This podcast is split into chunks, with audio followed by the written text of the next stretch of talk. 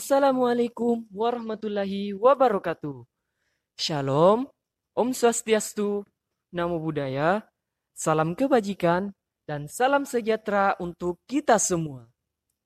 Agak Kareba Anak Indonesia, selamat datang di Family Podcast episode 1. Bersama saya, Wiro yang gagah berani. Kelihatan Mito dari suaranya? Nah, teman-teman, Kira-kira apa di temanya hari ini? Ya, betul sekali pemirsa. Temanya yaitu pernikahan usia anak. Jadi untuk mewakili pertanyaan-pertanyaan dari teman-teman di akun Instagram Family, kami menghadirkan dua narasumber yang datang dari masa lalu. Dan pertanyaan teman-teman akan dijawab langsung oleh dua narasumber kita ini. Sesuai dengan kata pepatah, tak kenal maka tak sayang. Untuk sayang dengan dua narasumber kita, langsung saja di kita perkenalkan. Kak, perkenalan ki dulu kak. Halo, kayaknya kalau dari suaraku udah asing nih deh untuk anak family. Tapi perkenalkan kembali mis saja. Namaku Ondeng Sani, kalau di family biasa dipanggil Kak Ondeng. Tapi lebih suka dipanggil makan sih.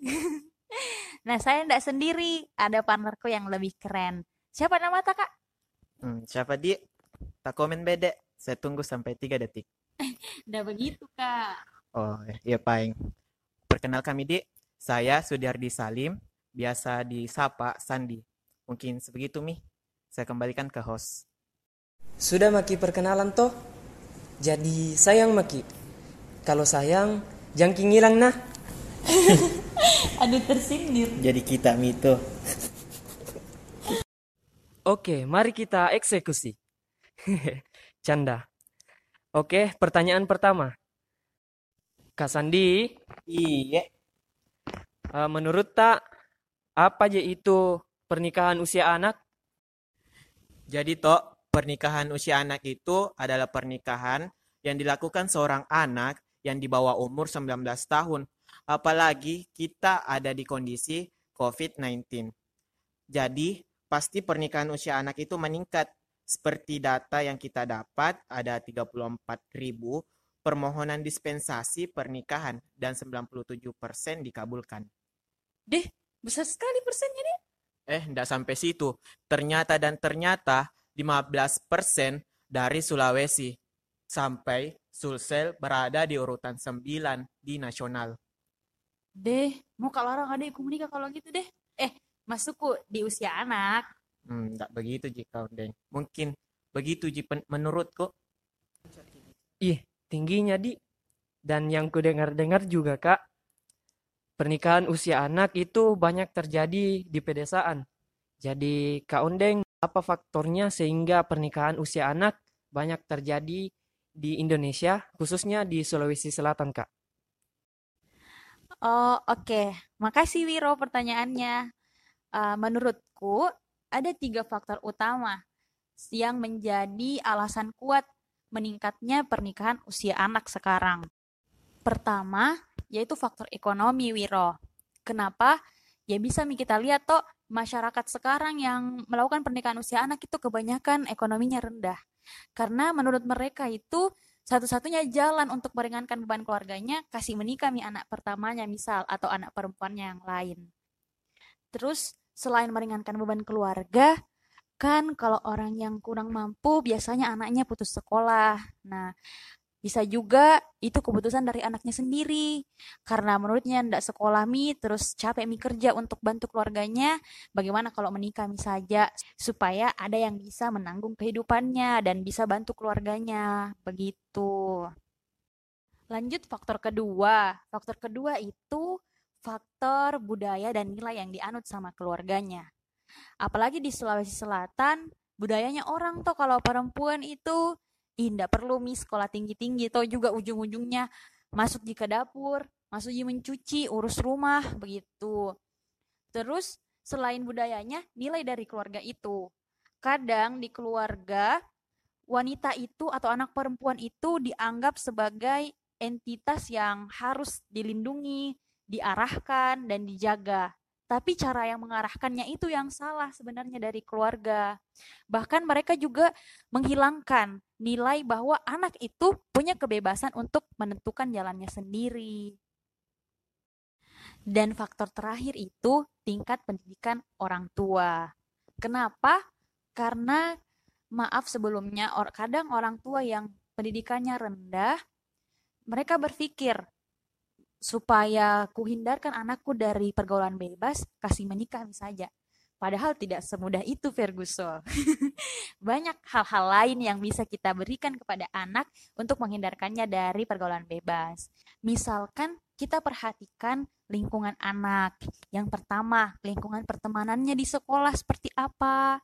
Yang kedua, lingkungan pertemanannya di luar sekolah seperti apa penting untuk kita arahkan anak-anak tak ikut kegiatan-kegiatan sosial, kegiatan-kegiatan yang berpositif.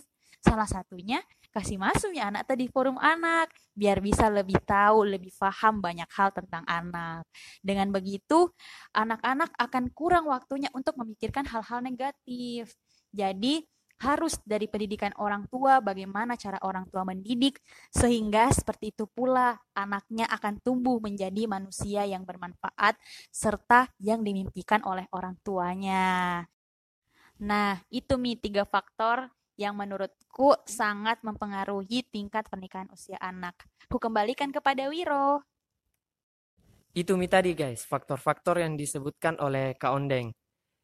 Kalau dari dampaknya sendiri Kak Sandi, bagaimana itu? Nah, kalau berbicara dampak Ki, pasti banyak sekali, apalagi dampak negatifnya. Seperti berdampak di pendidikan.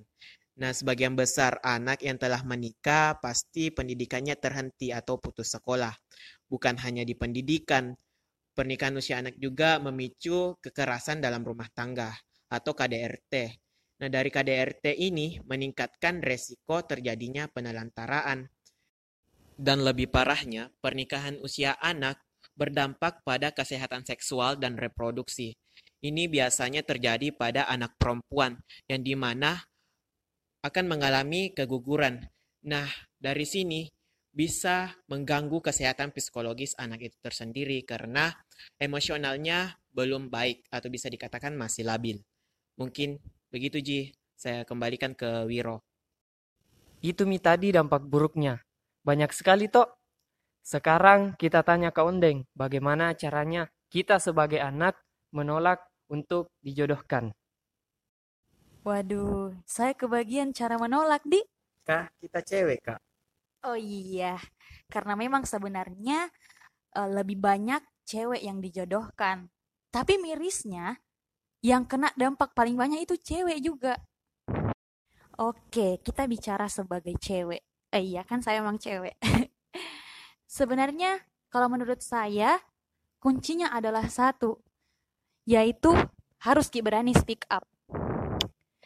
Kalian yang mendengar podcast ini, jika kalian wanita atau perempuan, harus bisa menanamkan nilai bahwa yang mempunyai kuasa terbesar kepada diri sendiri, ya saya kita harus paham hak kita. Apa pun yang berkaitan dengan kehidupan kita harus melalui persetujuan kita. Tapi kita kan sebagai anak harus nurut sama apa yang bilang orang tua, Kak. Nanti jadi anak durhaka, Ki. Ya, saya setuju. Kalau kita memang benar-benar menolak hal tersebut, ya kita harus sampaikan dengan cara yang baik dan sopan. Cara tak kasih paham orang tua tak tidak pakai membentak, tidak pakai mogok makan, tidak pakai marah-marah, sehingga apa yang disampaikan akan bagus, akan mereka pahami dengan baik. Misal, saya memposisikan diri saya sebagai anak yang ingin dijodohkan. Saya akan memberitahu kepada orang tua saya. Jika alasan mereka menikahkan saya hanya karena takut masa depan saya seperti apa, hanya karena mereka takut saya tidak ada yang menjaga, saya akan mengatakan bahwa perempuan itu bisa mandiri. Kita harus bisa menemukan bahagia kita sendiri sebelum kita berani menggantungkan bahagia kita kepada orang lain. Selanjutnya, kita kasih tahu, "Mak, mau Kak belajar? Saya mau mengejar pendidikan saya." Agar nantinya di dalam pernikahan tersebut saya bisa dihargai sebagai istri yang mempunyai pendidikan. agar menghindari diskriminasi di dalam rumah tangga tersebut, sehingga menghindarkan dari pemicunya kekerasan dalam rumah tangga. Berikan mereka pemahaman bahwa bukankah mama akan bangga jika melihat saya berhasil mendapatkan gelar sarjana terlebih dahulu ketimbang disematkan kata nyonya di depan nama saya. Saya ingin berfoto dengan toga terlebih dahulu sebelum menggunakan baju pengantin. Sekali lagi saya ingin menyampaikan untuk semua perempuan bahwa di balik perempuan yang hebat ada dirinya sendiri. Jadi kita harus bisa mengenal dengan menyayangi diri sendiri sebelum kita belajar untuk membagi sayang kita kepada orang lain. Nah, begitu juga menurutku Kak Wiro, kalau mau kasih tahu orang tua tak harus kayak memang banyak-banyak dulu belajar sebelum kita mengeluarkan pendapat ke orang tua. Jadi ndak serta-merta ternilai omong kosong di mata orang tua. Thank you. Oke, makasih Kondeng atas kiat-kiat yang telah diberikan. Selanjutnya beralih Makidi ke question box yang telah diisi oleh teman-teman. Yang pertama dari Ed Nabila Baharudin. Apa dampak pernikahan dini? Dan pertanyaan dari Nabila Baharudin ini kebetulan telah dijawab oleh Kasandi. Jadi kita next ke pertanyaan yang kedua dari Ed Adel Dewe underscore. Pertanyaannya adalah, apa upaya pemerintah untuk menekan angka pernikahan usia anak? Ya, pertanyaan ini akan dijawab oleh Kasandi. Kepada Kasandi saya persilahkan. Baik, saya akan menjawab pertanyaan dari Adel. Upaya pemerintah untuk menekan angka pernikahan usia anak itu seperti yang dilakukan Kementerian Pemberdayaan Perempuan dan Perlindungan Anak yang di mana bekerja sama dengan Forum Anak untuk mensosialisasikan stop pernikahan usia anak eh, kepada seluruh anak Indonesia. Nah, seperti yang kita lakukan seperti saat ini. Adapun target pemerintah pada tahun 2030 yang di mana akan menghapuskan praktik-praktik yang terlarang seperti pernikahan usia anak. Ya, mungkin seperti itu, Adel. Terima kasih. Keren sekali Kak Sandi sudah menjawab pertanyaan dari Adel. Untuk pertanyaan telah habis, selebihnya adalah pernyataan atau pandangan dari teman-teman. Yang pertama dari Ed Afifah Syahra Ramadhani. Pernikahan usia anak mengakibatkan tidak tercapainya hak anak serta dapat membuat anak menjadi pribadi yang jarang berinteraksi. Yang kedua dari Ed Aan Wahyu underscore 13. Pernikahan usia anak merupakan hak pribadi dan urusan keluarga. Dan kita sudah melanggar hak asasi manusia. Dan yang terakhir, ada ini paling lucu dan menurutku paling tidak jelas seperti orangnya. Dari Ed Lucky titik Lukman. Dia itu bilang, ada temanku menikah sama om-om. Waduh, bagaimana ini? Saya tidak tahu apakah ini pernyataan, pertanyaan, atau hanya sekedar singgah. Jangan suka ngeghosting Lucky. Canda Lucky. Oke, karena sudah dijawab pertanyaan, pernyataan telah dibacakan, dan saya juga sudah capek, sudah haus, dan pasti kalian juga sudah bosan mendengar suara saya dari tadi berbicara bersama dua narasumber. Maka dari itu, saya ucapkan banyak terima kasih kepada dua narasumber yang telah bersedia menjawab pertanyaan-pertanyaan dari teman-teman. Dan ucapan terima kasih kepada seluruh teman-teman yang telah mendengarkan. Dan jangan lupa like, komen, dan share. Sehingga lebih banyak lagi anak-anak yang peduli mengenai isu-isu yang ada di sekitar kita. Saya Wiro, pamit undur diri. Nantikan Family Podcast episode kedua.